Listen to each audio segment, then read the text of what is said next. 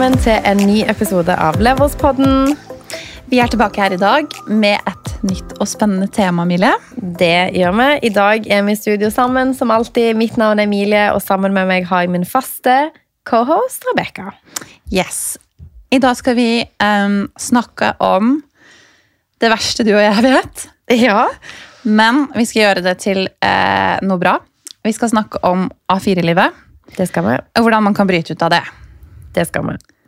Det er mange uttrykk for dette. Det er jo et eh, Om det er et hamsterhjul, om det er på en måte rotterace, hva enn man kaller det. Det å på en måte være fanga i et liv som du på en måte er 100% avhengig av å ha en fast inntektskilde.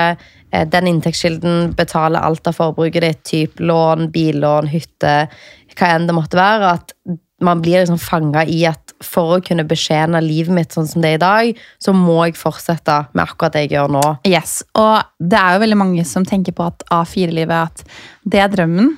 Og det er helt greit. Og denne episoden er ikke til dere. U uansett så utfordrer jeg dere til å høre på den, for jeg tror dere kan ta med dere noen ting. Om det ikke er noe, så tror jeg det er en del ting vi skal innom som jeg tror man allikevel i A4-livet får nytte av. da. Absolutt. Og det er her, bare for å gi en disclaimer også, er at det kan godt være at eh, det er mange av disse tingene som er relevant for deg, til tross for at du har lyst å fortsette å ha en A4-hverdag, en 8-4-jobb, en 9-5-jobb. Eh, og det er ingenting galt med det.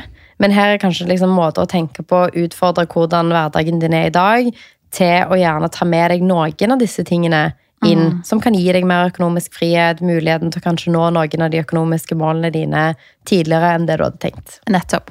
Så hvis vi snakker litt om hva A4-livet er, hva kjennetegner det?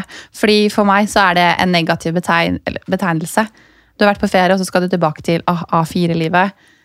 Eh, jeg føler det selv som sånn Det skal jeg absolutt ikke ha, og jeg tror jeg har ikke et A4-liv på langt nær. Men hva er ditt inntrykk av A4-livet, Mille? Hva er dine assosiasjoner med det? Jeg tror jeg tenker kanskje litt annerledes. Litt som jeg sa innledningsvis, så tenker jeg på A4-livet mer som at um, Satt på spissen, da, så går vi på skole lenge. Uh, I Norge så koster det heldigvis ikke så mye penger å gå på skole, men man går på skole en stund, eh, tar opp lån for å få seg en bra jobb, og man får seg en jobb for å kunne betale for det lånet man tok opp for å være student. Eh, Og relativt raskt etter man har begynt å jobbe, så begynner man å spare aggressivt for å kunne kjøpe en bolig og ta opp lån. Hvis man er en av de.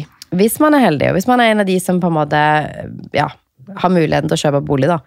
Eh, Så gjør man det, og da låner man jo seg opp til ørene. I hvert fall som, eh, som de fleste nordmenn gjør. Man låner så mye man kan. Eh, Og så låner man seg gjerne på en eh, nedbetalingsplan som er 25-30 år, da, som er standard. Og det vil si at man i prinsipp da er bindt opp eh, i 25-30 år. Noen kanskje lengre, noen litt kortere. for å betjene det lånet. Så da er man liksom sånn, plutselig så har man gått fra å være student til å ta opp et lån, til å få seg en jobb for å betale for det lånet. Så får man seg en jobb for å ta opp lån for å kjøpe bolig. Og så kan man betale det lånet i 25-30 år. Og så har man frihet når man er 60. Ikke sant? Og så eh, har man jo de aller fleste nordmenn tar jo opp veldig mye belåning underveis. At når du har et boliglån, så eh, betaler du jo ned avdrag hver eneste måned og Yes. renter. Og det vil si at Har du eid en bolig et år, to år, så har du betalt ned ganske mye på ditt lån. Veldig mange låner jo opp for å f.eks. kjøpe hytte, for å finansiere en bil. For Det er jo også flere lån her inneblant. òg. boliglån er én ting, og så blir det billån, og så blir det et sekundærlån, og så kanskje noen har kreditt. Altså sånn, det er masse lån. Veldig mye. Jeg så et studie for noen år siden som skisserte på en måte um, hvor stor andel av den norske befolkningen som har gjeld, og hvor belånte vi er. Og det er ganske skummelt å tenke på at veldig mange i foreldrene våre sin generasjon har gjort akkurat det vi snakket om nå. Og så når de har nært seg, når de egentlig skulle realisert og ferdigstilt lånet, så eh, tar de på full belåning igjen for å kjøpe en dødsdyr hytte, eksempel, eller å kjøpe en bil til en million kroner. Så har du plutselig kanskje 10-15 år igjen oppå der igjen når du er 50 pluss. Og veldig langt svar, men hele denne setupet her Jeg er jo kjempe for eiendom. Elsker å kjøpe leilighet. Så Nei. jeg Gjør du? ja. Eh, Så Det det tror jeg ikke vi har hørt. Ok. aldri snakk om det i hver eneste episode, men at det at man på en måte er at man ikke bruker det til et verktøy for å på en måte bygge verdier raskere, men at man liksom er fanga i et sånn, en sirkel hvor man hele tiden er avhengig av å ha en høy inntekt for å betjene ganske høy, høye lån, kreditter osv. for å finansiere livsstilsinflasjon, da, hvis man kan kalle det det. Det for meg er det jeg tenker på som eh, A4-livet. At man er liksom fanga i en hverdag hvor man er 100% avhengig av å opprettholde en høyt betalende jobb for å finansiere lånene sine. Ja, og det du sier der, det fører jo til en del følelser, opplevelser. Man føler at man er begrensa, og jeg tror at veldig mange som er i den situasjonen, opplever at man er drittlei, rett og slett. Man er frustrert, man er ikke lykkelig lenger. Eh, og så kan man sikkert være dels, delvis lykkelig, men man føler seg nettopp litt fanga i det der. Og det er vanskelig å se en vei ut, fordi man har kanskje fått noen kids på veien, eller man, man har en partner, og man er på en måte sammen i det som et team. og hvordan kan man da utfordre det? Hvordan kan man da gjøre det bedre for seg selv? For jeg tenker jo at det er jo den følelsen man har, det at man føler at man er fanget, man vil, man vil kanskje noe annet. Man har kanskje interesser, man har hobbyer, man får ikke dyrka disse tingene. Og vi må se litt på hvordan man kan da slutte eller hvordan man kan på en måte komme seg litt ut av den onde sirkelen. For jeg tror det er et godt poeng at man liksom eh, Man føler seg fanga hele tiden til å opprettholde en veldig sånn Det tror jeg mange kjente på i korona. At når man plutselig ble møtt med en hverdag hvor man kunne miste jobben, man kunne um, bli permittert og miste deler av inntekten sin, hvor eh, bundet store deler av inntekten sin faktisk var. At hvis man så at ok, nå går jeg ned 30% i lønn, så er det sånn, okay, men da, da kan ikke jeg ha noe å leve på denne måneden her, fordi resten av lønnen min går til å betjene boliglån, det går til å betjene kanskje kredittkortgjeld, studiegjeld, mat, økte strømutgifter, alle disse tingene. At det å komme seg ut av en posisjon hvor hovedinntektskilden din er en fast arbeidstaker, det å ha bare ett ekstra bein å stå på, om det er personer som har et hus hvor de leier ut kjelleren, eller om det er noen som har en fritidsbolig som de betjener lånet på med å leie den ut om sommeren eller om vinteren, eller den type ett ekstra bein å stå på som gjør at økte, inntekt, økte utgifter i en periode ikke vipper deg av pinnen. Mm. Tanken på at et eller annet uforutsett som gir de aller fleste veldig stort ubehag. Mm. Tanken på at 'oi, tenk hvis' Det kan være noe sånn som at 'Å, vaskemaskinen min røy. Jeg har ikke 10 000.'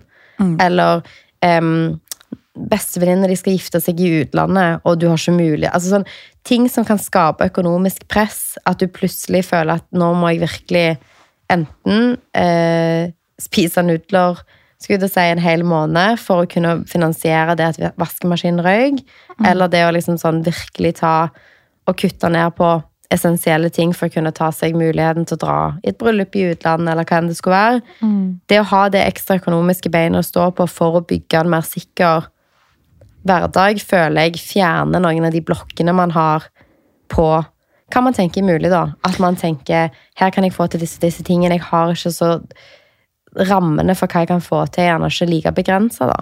Det er sant. Det er sant. Og så tenker jeg hva, Hvor skal man begynne? Hva skal man begynne å, å, se etter? Hva kan man gjøre hvis man føler seg litt sånn fanga? Og jeg tror det man må begynne, er å kartlegge litt seg selv. Mm. Og litt situasjonen man står oppi. Eh, det kan være å se på jobben man gjør, men også litt på interesser. Hva er det som er viktig for deg? Hva, hva er det som betyr noe i livet, og hva er det som er viktig? Eh, jeg personlig kan jo si at jeg jobber masse, og har jobba masse, for frihet. Selvfølgelig eh, økonomisk frihet og frihet, men frihet i tid. Jeg vil ha tid til å dyrke ting som jeg er opptatt av. Jeg har lyst til å kunne ta meg fri når jeg vil, for å kunne gjøre det jeg vil. Og jeg har ikke lyst til at jeg skal komme til en arbeidsgiver som forventer at jeg er et sted mellom ni og fem. Jeg er ofte på jobb mellom ni og fem fordi jeg velger det selv, men jeg må, jeg må ikke det. Stort mm. sett. Og målet mitt er å, å, frigjøre meg helt fra det å må være til stede ni til fem noen gang. Mm. Um, og vi snakka jo litt om det i stad, at det er veldig forskjell på det å være ansatt. Nå er jo vi gründere. Mm. Eh, og som gründer så på en måte er du veldig ansvarlig for din egen hverdag. Og jeg vil jo si at jeg jobber mye mer enn ni til fem stort sett. Jeg jobber mer enn en åtte timers dag. Og det har jeg valgt å gjøre i en periode. Fordi jeg tenker at det er, det er noe jeg må gjøre for å på en måte slippe det A4-livet i 30 år. Eh, men som ansatt, hvis jeg hadde vært ansatt i en bedrift Og nå sier jeg ikke at alle bedrifter er like, for jeg tror at det er veldig mange bedrifter med fleksibilitet.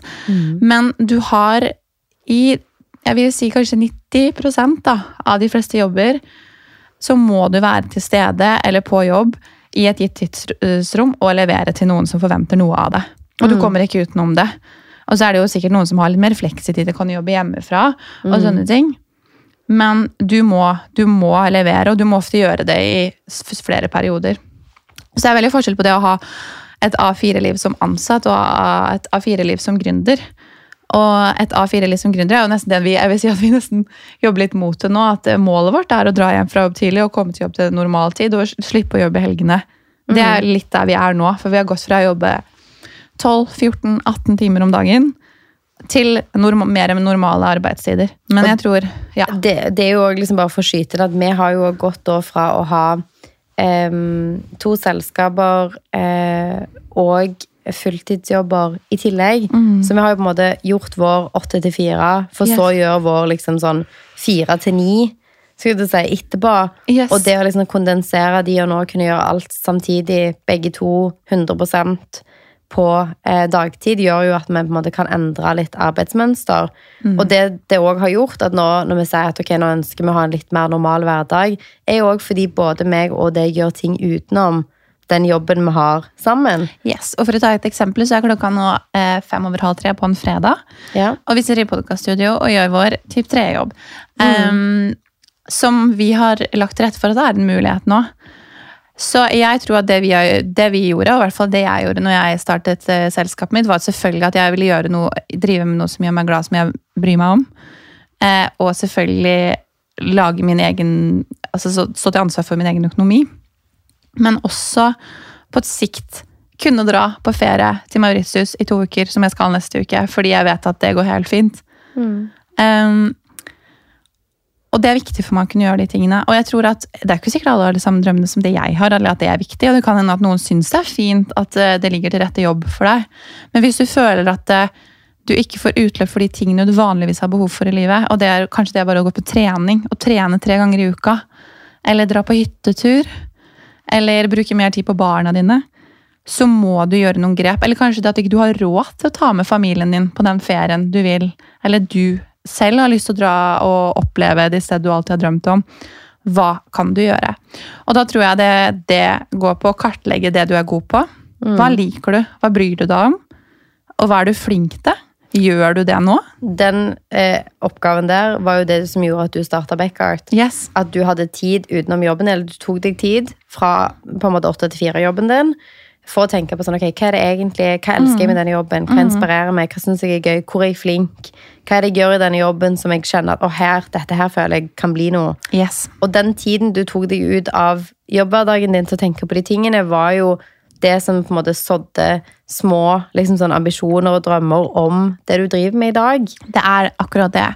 Og jeg skjønner at det er vanskelig også, spesielt hvis man allerede er bindt opp til at du står opp halv syv-syv, noen tar vare på seg selv, og så går de på jobb. Noen tar vare på barn, tar de i barnehage, skole, så går på jobb. Og så jobber du egentlig nonstop til ettermiddagen, og så har du kanskje forpliktelser med å lage middag, hente og kjøre, aktiviteter eller trening. Eh, se venner.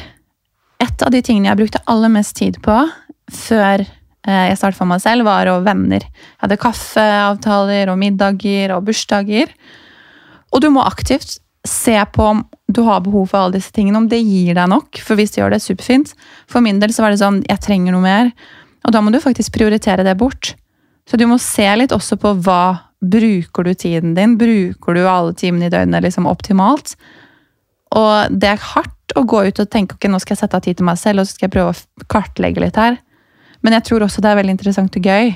Og i hvert fall hvis du, altså Man er sliten når man kommer hjem fra jobb. Det er en helt ærlig sak. Man kommer hjem Yes. og er sånn Shit, nå skal jeg liksom ta stilling til hva jeg drømmer om i livet. Det er kanskje en, en stretch når du er sliten når du kommer hjem, men jeg tror at sånn det å i hvert fall sette litt tid i en hverdag til å liksom tenke over hvilke ting er det som inspirerer meg, hva syns jeg er gøy, og det kan godt være at svaret til veldig mange ikke er at de skal starte sin egen bedrift. Det er ikke en sånn gyllen svar på absolutt alt. For veldig mange passer ikke det. Nei. Men både du og jeg kom jo fram til det vi i dag jobber med fulltid. Både selskapene vi eier sammen, men òg ting vi gjør utenom. Om det er eiendomsprosjekter eller Instagram eller hva enn det skulle være.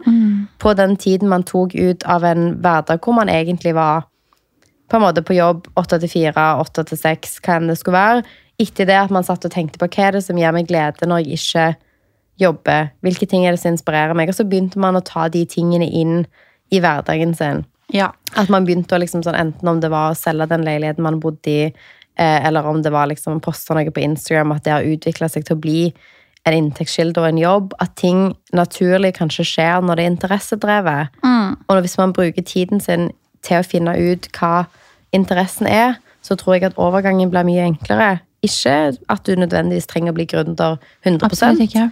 men det å ha et enkeltmannsforetak så gir det kanskje 10 000-15 000 kroner ekstra i måneden, er jo en helt super ting. Det gir masse frihet. Ja, og jeg tenker jo Si at du hadde vært eh, en person som er ekstremt god i å strikke.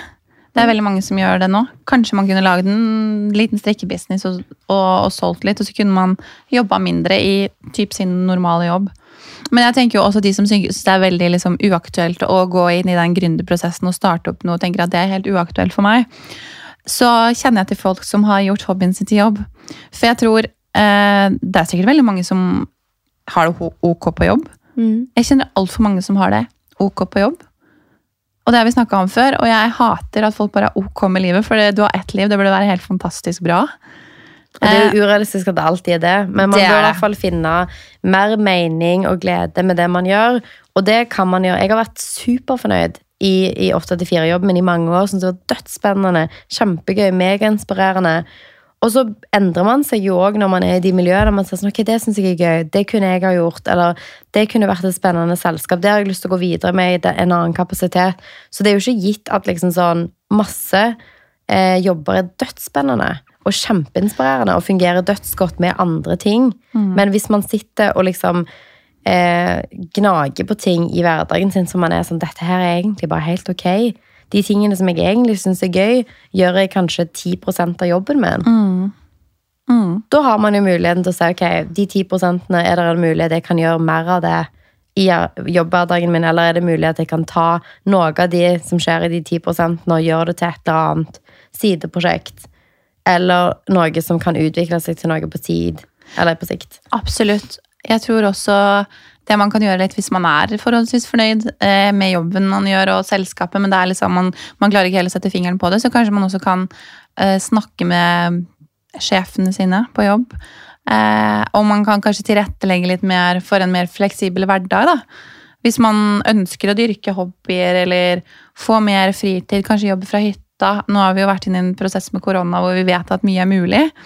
Eh, og jeg tror at man er kanskje mer lavterskel for å få til ting nå. Og det trenger jo ikke være borte hele dagen, men si at man jobber en dag fra hjemme, så man kan holde på i hagen sin, eller man kan snekre i garasjen. Man kan begynne med det hobbyprosjektet. Eh, Og da snakker vi om utenfor arbeidstid, selvfølgelig. Men sånn arbeidstid, ja. det å være hjemme, si at du bruker en time på å komme deg på jobb og en time Mm. tilbake igjen. Bare det å være hjemme da, gir deg jo plutselig to timer ekstra den dagen. Så det å liksom se på det som en sånn De aller fleste bedrifter er åpne for hjemmekontor etter korona.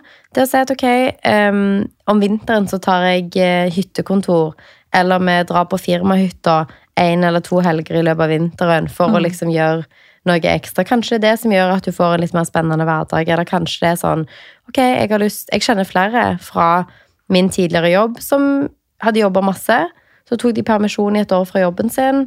Fulgte drømmen om enten om det var å bo i bobil i USA, eller om det var å gå mm. fra Norge til Danmark, var det en annen som gjorde. Altså at man Det fins veldig mange muligheter innenfor et A4-setup som man kan dra seg nytte av. ja. Og da er det jo bare gjerne å utfordre litt til sånn Hva kan jeg få til innenfor disse rammene som gjør at jeg føler at jeg har mer frihet? Absolutt. Eh, Jeg hadde et tilfelle senest forrige uke hvor en jeg kjenner brukte én time i reisevei til jobben hver dag.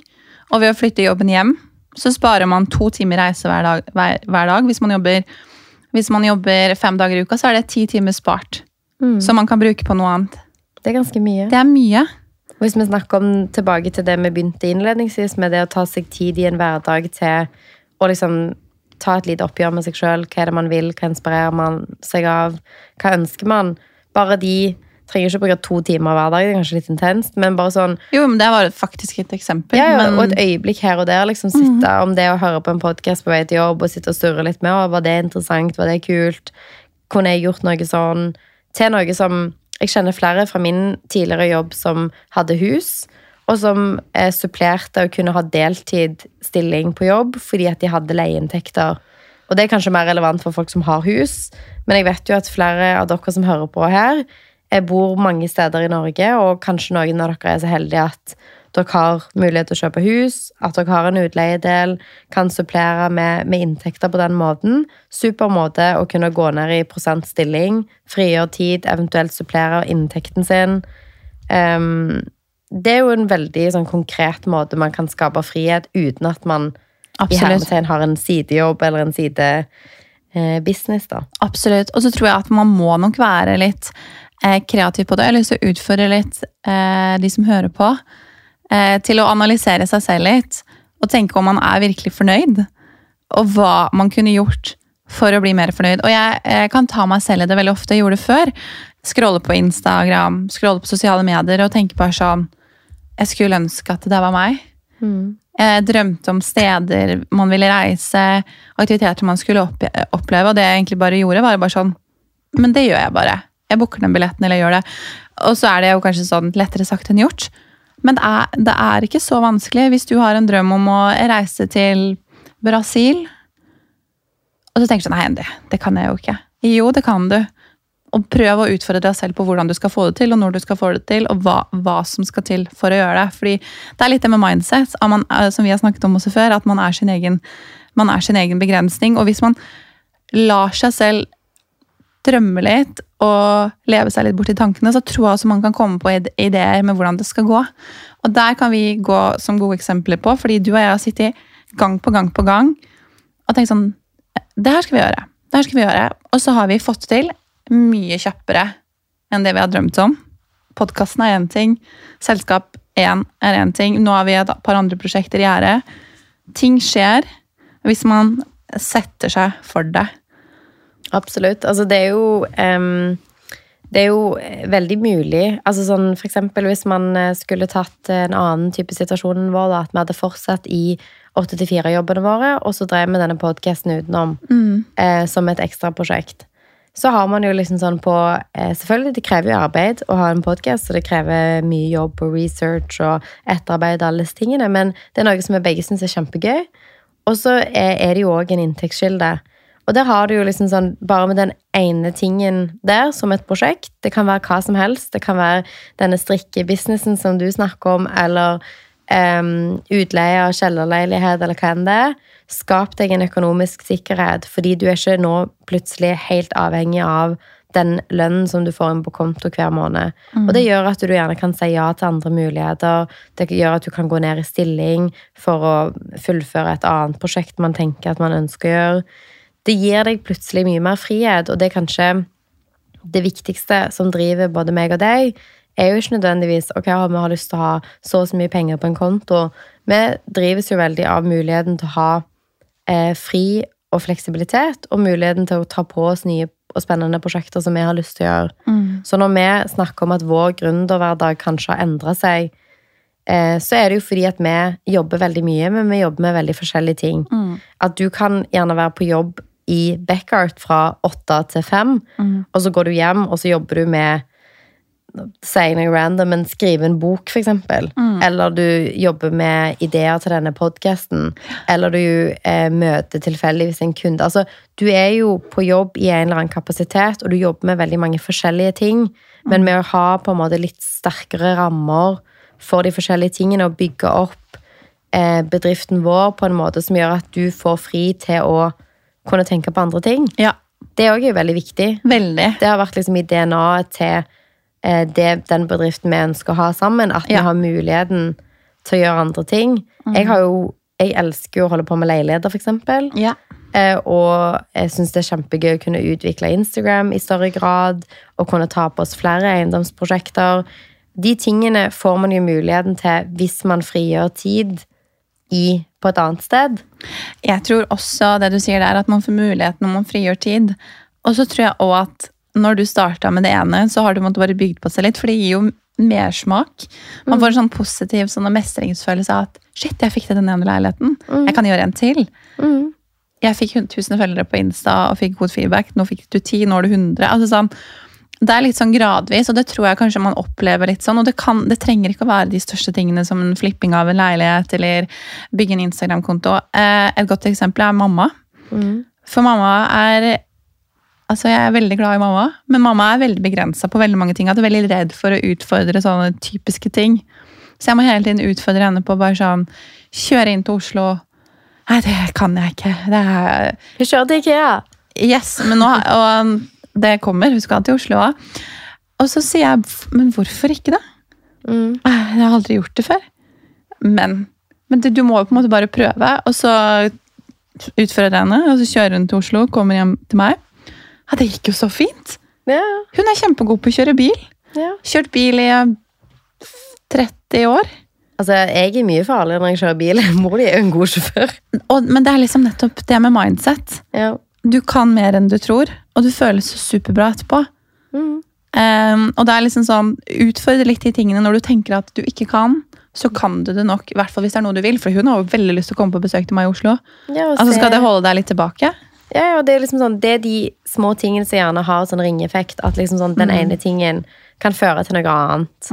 At det er den der når du blir møtt med en eller annen utfordring som du er sånn åh nei, men det, det syns jeg høres vanskelig ut, eller det tror jeg ikke at jeg kan få til. Veldig mange um, Jeg har i hvert fall møtt den veldig mye at sånn Ok, ja, men nei, det har ikke jeg tid til. Det, det er ikke mulig for meg. Jeg er liksom sånn, det, det er stress, og det er hjem fra jobb, og det, da er man liksom sliten og alle disse tingene. Det med å gå for noe som man er personlig motivert til å få til, enten om det er mor di som har sykt lyst til å komme inn til Oslo og se deg, og liksom bare sånn, ok, det der skal jeg få til, eller om det er liksom en interesse som er sånn, som kommer naturlig da, som du sier, at det baller litt på seg, at jeg genuint elsker å holde på med oppussing. Jeg synes det er dødsgøy. Så selvfølgelig baller det på seg. Um, fordi at man er interessert i det. Og da blir det ikke den der å faen, nå skal jeg gjøre det. Nå, åh nei, det har ikke jeg tid til. Det kan ikke jeg få til. Da er det gjerne noe annet du skal gå for. Ja. ja, absolutt. Og det tror du også sier der, at man får mer interesse når man gjør ting. Og så tror jeg at eh, hvis du interesserer deg for noe, så kan du nok mer enn du tror. Definitivt. Eh, det opplever jeg veldig ofte. At eh, vi snakker med folk, og så sier de bare sånn Ja, men jeg er ikke så veldig god på det her. Så er de jo kjempegode, men jeg tror at folk har en tendens med å sammenligne eh, andre med seg selv. Og det finnes folk som er bedre på deg, eh, enn deg og meg på både podkast og oppussing og det å drive business. Ja. ja. Men det betyr ikke at vi ikke kan gjøre det, eller er gode på det, eller skal bli bedre på det. Og det er litt sånn her, å, jeg har aldri, jeg vet ikke om jeg klarer sosiale medier, for jeg har ikke gjort så mye på det. Men du er jo på Insta hele tiden. Du poster bilder. Jeg tror man kan, men ja. Så jeg tror liksom man må tørre å utfordre seg, utfordre seg selv litt. Gå litt i seg selv. Kartlegge litt hva som er viktig. Så Uten tvil. Og jeg tror også at sånn eh, Nå har vi nevnt mange ting her, men eh, når jeg har jobbet i liksom sånn store norske bedrifter, så har jeg møtt så mange folk som har eh, leid ut. De har vært instruktører på Sats. De har drevet businesser utenom. De har drevet med eiendom. De har eh, drevet med utleie av fritidseiendom. De har hatt sideprosjekter som har blitt sidebusinesser osv. Det er så mange folk som utfordrer det 8-4-livet i 8-4-livet. De fortsetter i en spennende jobb som de liker, og så har de andre ting som gir dem noe annet. Om det er å være instruktør på Sats, om det er å drive eh, et eller annet prosjekt utenom, eller ha sideinntekter, så, så har de andre bein å stå på som er interessebasert. Sånn at det føles ikke ut som du er fanga i en sånn 'Å nei, nå må jeg gjøre dette'. nei. Og det tror jeg er veldig viktig. Så jeg tror også det, det er veldig, veldig viktig. Jeg håper at det er eh, Den episoden her gir litt eh, rom for ettertanke. Kanskje Og- mer smak på å prøve noe nytt, og utfordre Yes. seg sjøl litt. Og spør. Eh, hvis man er usikker eller trenger en sparingspartner, så kan man, man kan jo skrive til oss, men snakk med venner om det. Og snakk med hvordan de opplever det og føler det. For jeg tror at det er veldig mange i, i, um, i samme situasjon. Og kanskje man faktisk finner noen som man kan gjøre noe sammen med. Så vi to har teamet opp for å gjøre ting vi, vi liker. Men hvis vi skal helt til slutt, um, så har vi begynt med en ny spalt på hver episode. Og det er hvordan man skal uh, levele opp, om det er enten gjester vi har på besøk innen det de holder på med. I dag snakker vi om A4-livet. Mm. Hvordan kan man levele opp fra A4-livet? Hvordan kan man ta det next level hvis man vil ut av det faste, det kjedelige, man er misfornøyd? De, de konkrete tipsene vi har etter denne episoden i dag, Emilie. Mange tips. Men eh, vær eh, nysgjerrig på interessene sine. Ta seg tid i hverdagen til å utforske det som du drives av. Kanskje se inn i hvis det er elementer av den jobben du har i dag som du tenker dette er gøy, dette er dødsspennende. Hvordan kan jeg på en måte gjøre mer av dette?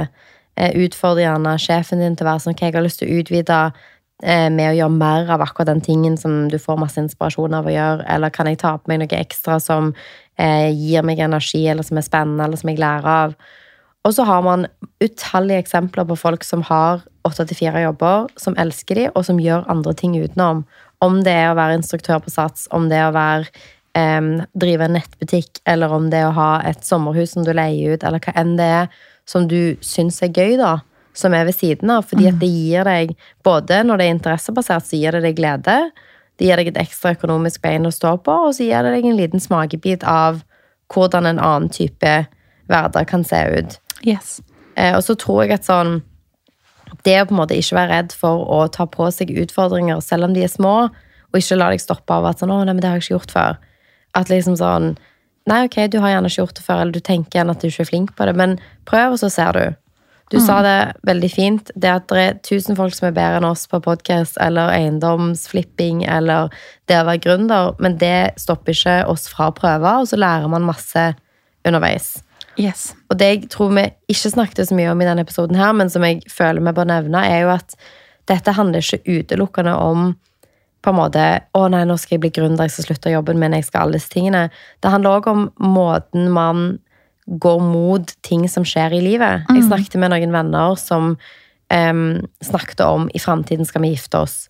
Og vi har lyst til å ha et kjempefint bryllup i Norge. Og, og de hadde lest at det, det kosta 400 000, og det var, det, men det var skikkelig stort bryllup. Vi skulle leie band, og det var, liksom, det var drømmen, da. Ja. Og det er jo dyrt. Det er dritdyrt Ja. å gifte seg. Jeg eh, så at det var den gjennomsnittskostnaden var bare skyhøy, liksom. Eh, og da hadde de planer om å spare 50% av inntekten sin utelukkende til dette de neste tre årene Per måned. per måned. Eh, For da hadde de regnet ut at hvis de gjorde det, så kunne de få råd til dette bryllupet da, om tre år. Og så sa jeg liksom bare at ok, men eh, dere eier en leilighet sammen i dag. Dere kjøpte for dette. Dere har så og så mye utestående gevinst på denne leiligheten. Eh, dere kan faktisk Kan du gi, gi oss sånn cirka tall, bare, så vi har noe å Si at de, de ønsker et bryllup som koster 400 000. Yes. De hadde ca. 800 000, 900 000 i gevinst i leiligheten utenom den egenkapitalen de hadde spytta inn. Fordi at de hadde flytta inn, kjøpt på et tidspunkt hvor de um, kjøpte på en bra pris. Mm. Hadde ikke gjort sånne store ting med leiligheten, malt litt og sånne ting. Og så hadde de fått en indikasjon om at de kunne selge leiligheten for 800 000-900 000 mer. Ja. Så sa jeg at hvis du skulle satt dette på en annen perspektiv, da, ja, du kan spare 50 av inntekten din i tre år, men det vil jo legge ekstreme føringer for hva du kan gjøre. Begrensninger på Veldig Alt man gjør. Du kan ikke ta helgeturer, ferier, restaurantbesøk, lunsj, kaffebesøk. Alle disse tingene som gjerne skaper trivsel i løpet av de neste tre årene, må du begrense ganske kraftig da, Ja. for å få dette til. Så sa jeg liksom at prøv å ta eh, Lån opp, gå til banken, lån opp deler av den gevinsten som dere egentlig har fått bare med å bo i leiligheten, og finansiere det på den måten. Da har du plutselig tre år med 50% da i hermetegn mer i inntekt, fordi at du ikke skal spare i den perioden. Da kan du bruke de pengene som du egentlig skulle sette av til f.eks. spare i fond. Så kan du på en måte bygge verdier på en annen måte uten at du legger de samme type føringene eller begrensningene på økonomien din. Og bare den måten å tenke at du snur det litt, da. Så er det sånn, hvordan kan jeg få det til på en annen måte? Fordi da har du jo plutselig tre år og full inntekt i årene på å gjerne få til andre ting igjen. Ja. Og du har ikke tatt ut hele gevinsten din. Du har fremdeles en fantastisk gevinst som kan flyttes inn i neste leilighet Mm. til å gjøre noe annet. Yes. Men du legger ikke de samme føringene på det. Og det tror jeg er en sånn det er en sånn måte å tenke på som du på en måte kan flippe litt. Ja, jeg tror, du, jeg tror du har helt rett, og det har vi snakka litt om tidligere også, med det å eh, Hvis du skal ut av faste rutiner, så må du nødvendigvis ikke ofre noe. Og det er jo en ting du og jeg har vært litt opptatt av. at selvfølgelig Vi har, vi har kanskje gått inn og ofra noe. Vi har valgt det selv. Men det der å, å gi opp det å gå ut og spise, dra på ferier, det er viktig for oss for å kunne leve. Eh, spesielt med det der å oppnå økonomisk uavhengighet. Og det er liksom det jeg tror veldig mange når det kommer til A4-livet, tenker at ja, men jeg må, jeg må ha denne jobben, for jeg tjener så mye nå for å dekke det. Ja, men kan du gjøre det på en annen måte? Ja, og, og sånn Jeg gikk ned masse i lønn når jeg begynte som gründer nå, sammen med deg. Eh, og gikk fra å ha en fast høy inntekt til å ha en lavere fastlønn for å satse på vår business. Men det har jo òg gitt meg friheten til å fokusere mye mer av energien min inn i å bygge den bedriften, sånn at vi kan på sikt ta ut mer, ha mer frihet. Det har gitt meg tid til å gjøre um, Instagram større, podkasten og gjøre det større, til å kunne ta på meg mer prosjekter på eiendomssiden. At det gir deg jo òg noe, og det trenger ikke å legge begrensninger eller føringer for at jeg da er nødt til å liksom justere livet mitt, eller livsstilsjustere meg sjøl ned i den perioden. Fordi Nei. at det har gitt meg muligheter til å eh, kanskje ta på meg mer på andre prosjekter som tidligere har vært litt sånn sidestilte sideprosjekter. da. Yes. Så for å summere opp her, så er det 100 mulighet for å slutte det kjipe A4-livet. Og det trenger ikke ikke være kjipt for alle, det må vi si. For det er det ikke nødvendigvis. For meg så er det den følelsen jeg sitter med med A4-liv, og det må jeg sikkert endre litt mindset på, men A4-liv for meg virker ekstremt kjedelig. Altså, Jeg har hatt A4-liv i, i form av at jeg har hatt en fast jobb i mange år. Jeg har stortrives med det og hatt det dødsgøy. Men du jeg, har gjort andre ting på jeg har siden. gjort andre ting på Du siden. har ikke bare hatt det, og du har ikke vært misfornøyd. Forskjellen. Nei, men, men man har på en måte A4 er en definisjonsting. At liksom sånn eh, Folk som er fast ansatt og er f.eks. treningsinstruktør på siden, det er jo et A4-liv, men de gjør noe annet. Og de har en Mm. Ekstra inntektskilde. Så det her er egentlig bare for å starte en tankeprosess. Se hvordan kan man utfordre den hverdagen man har i dag, Ja. til å bli mer lidenskapsdrevet, ting man er interessert i. At man øker den økonomiske eh, sikkerheten man har fordi man har andre inntektskilder, og man gjør ting som er hobbybasert. Absolutt. Bra. jeg håper at eh, vi fikk snakket om ting som kanskje setter i gang noen prosesser, og som man Yes. tenker sånn, ok, dette kan jeg kanskje få til. tror jeg. Eh, mindset. Vi går tilbake der. Se på seg selv, analyser og kartlegg hva du ønsker og vil, og hvor du skal. Absolutt. Eh, og hvis det er noen som har noen morsomme historier på endring rundt A4-livet, så vi, vil, vil vi veldig gjerne høre på det. Eller de som lever et flott A4-liv og er superfornøyde med det. Absolutt. Eh, så vil vi gjerne høre det også. Veldig spennende. Og vi vi syns det er så gøy å høre Ja. alle deres historier på Instagram. Vi får så mange fine meldinger og kommentarer, så Ja, det setter vi sykt pris på, faktisk. Tusen, tusen takk. Tusen takk. Um, vi er tilbake neste uke med en ny episode. Det er vi. Snakkes! Det er vi. Ha det!